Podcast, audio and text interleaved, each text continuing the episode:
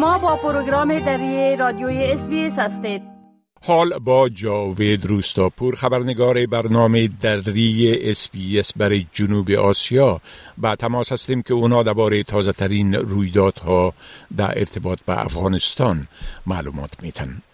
آقای روستاپور سلام عرض می کنم خب گفته میشه که عکس های شدید در برابر اظهارات ملا خوب وزیر دفاع طالبا در ارتباط به تعریف او از جنگ و جهاد نشان داده شده بله؟ با سلام وقت شما بخیر آقای شکیب بله همون گونه که شما اشاره کردین اظهارات سرپرست وزارت دفاع طالبان در رابطه با جهاد در بیرون از افغانستان با واکنش های جدی مواجه شده. ملا یعقوب چند روز پیش در یک سخنرانی به سربازان و فرماندهان خود گفت که امری امیرشان این است که در بیرون از افغانستان جهاد روان نیست و هر کس که به بیرون از افغانستان میرد جنگ است نه جهاد. این اظهارات ملا یعقوب بحثای داغ را در رسانه ها و شبکه های اجتماعی به دنبال داشت. از جمله نصیر احمد فایق نماینده دائمی افغانستان در سازمان ملل در واکنش به اظهارات در تویتر خود نوشته کرد که تنها در برابر مردم مظلوم و بیدفاع افغانستان زنان و دختران نیروهای امنیتی و همچنان کادرها جهاد طالبان رواست و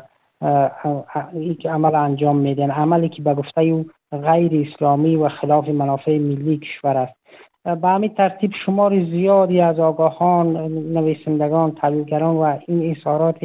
ملا یعقوب را تحلیل و بررسی کردند و انتقاد تون داشتند که طالبان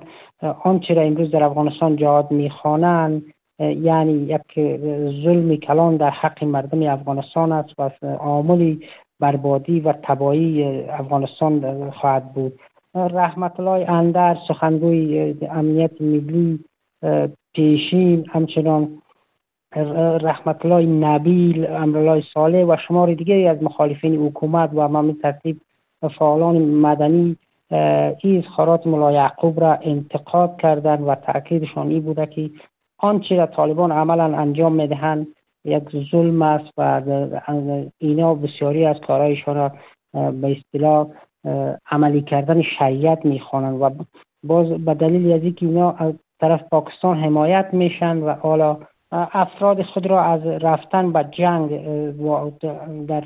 همراه با طالبان پاکستانی منع می‌کنند اما با باوری آگاهان این این گونه منع کردن ها از سوی مقامات طالبان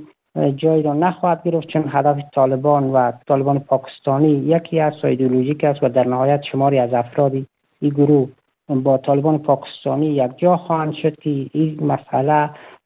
سبب بر هم خوردن همسویی حکومت پاکستان آنگونه که مقامات پاکستانی اظهار کردن با حکومت طالبان خواهد شد. بله خب گفتم میشه که اعتصابات در میمنه مرکز ولایت فاریاب بر ضد مظالم یک عضو طالب با برپا شده. اگر به صورت مختصر در ای باره لطفا معلومات بتین بله شماری از باشندگان روستای توبخانه توبخانه قلعه ولسوالی دولت آباد فاریاب گفتند که یک عضو طالبان که خواهرزاده ملا سیف الله ولسوالی گروه در دولت آباد است و محافظ او است قصد دارد که یک دختر 13 ساله را به زور به نکای خود درآورد. این منابع تاکید کردند که این دختر با یک نامزاد دیگر نام، پسر نامزاد است و این پسر در ایران کار می‌کند به خاطر از اینکه پول در بیارد تا عروسی که نباید دختر اما محافظ ولسوال دولت آباد قصد دارد که او را به زور به نکای خود در بیارد و در نوار تصویری هم که در شبکه اجتماعی دست به دست میشه شماری از باشندگان این روستا به دروازه ولسوالی دولت آباد آمدن که عمدتا خانما هستند و این کار طالبان را خلاف می‌خوان و تاکیدشان این است که باید جلو مسئله گرفته شد اما منابع گفتن که طالبان ولسوال طالبان هم از این مسئله از محافظ خود حمایت می‌کنه و حتی پدر دختر را با پدر نامزاد دختر در بازداشت کرده و در بازداشت طالبان به سر می‌برد. بله خب گفتم این که وزارت تحصیلات عالی طالبا جواز چندین پوهنتون خصوصی را لغو کرده بله؟ بله زیا الله آشمی سخنگوی وزارت تحصیلات عالی طالبا بر رسانه گفته که تصمیم لغو جواز شماری از پوهنتونا از سوی وزارت تحصیلات عالی به دلیل تقویت قوانین و طرز العمل این وزارت عنوان کرده و گفته که این اقدام را این وزارت انجام داده. اما برخی از استادای پوانتون خصوصی ادعا کردند که پوانتون خصوصی را نه تنها در ولایات که در کابل هم مسدود کرده و حتی شماری از پوانتون که جواز هم دارن از سوی طالبان فعالیتشان مسدود شده.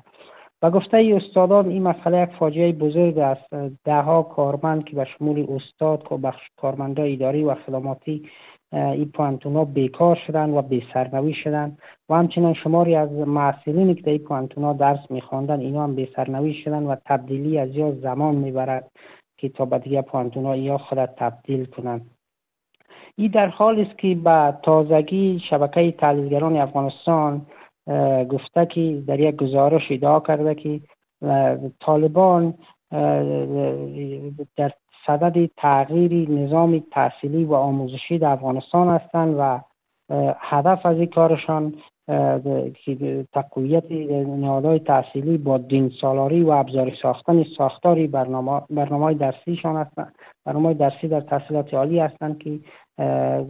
حکومت و حاکمیت خود را گسترش بدن در حالی که پیش از این هم اتحادیه پوانتونای خصوصی ادعا کرده بود که 70 درصد پوانتونا فعالیتشان مسدود شده به دلیل محدودیت طالبان و همچنان مشکلات اقتصادی چون بیشتر محصلین پوانتونا دخترها بودن بله. اجازه رفتن با پوانتونا را از سوی طالبان ندارن.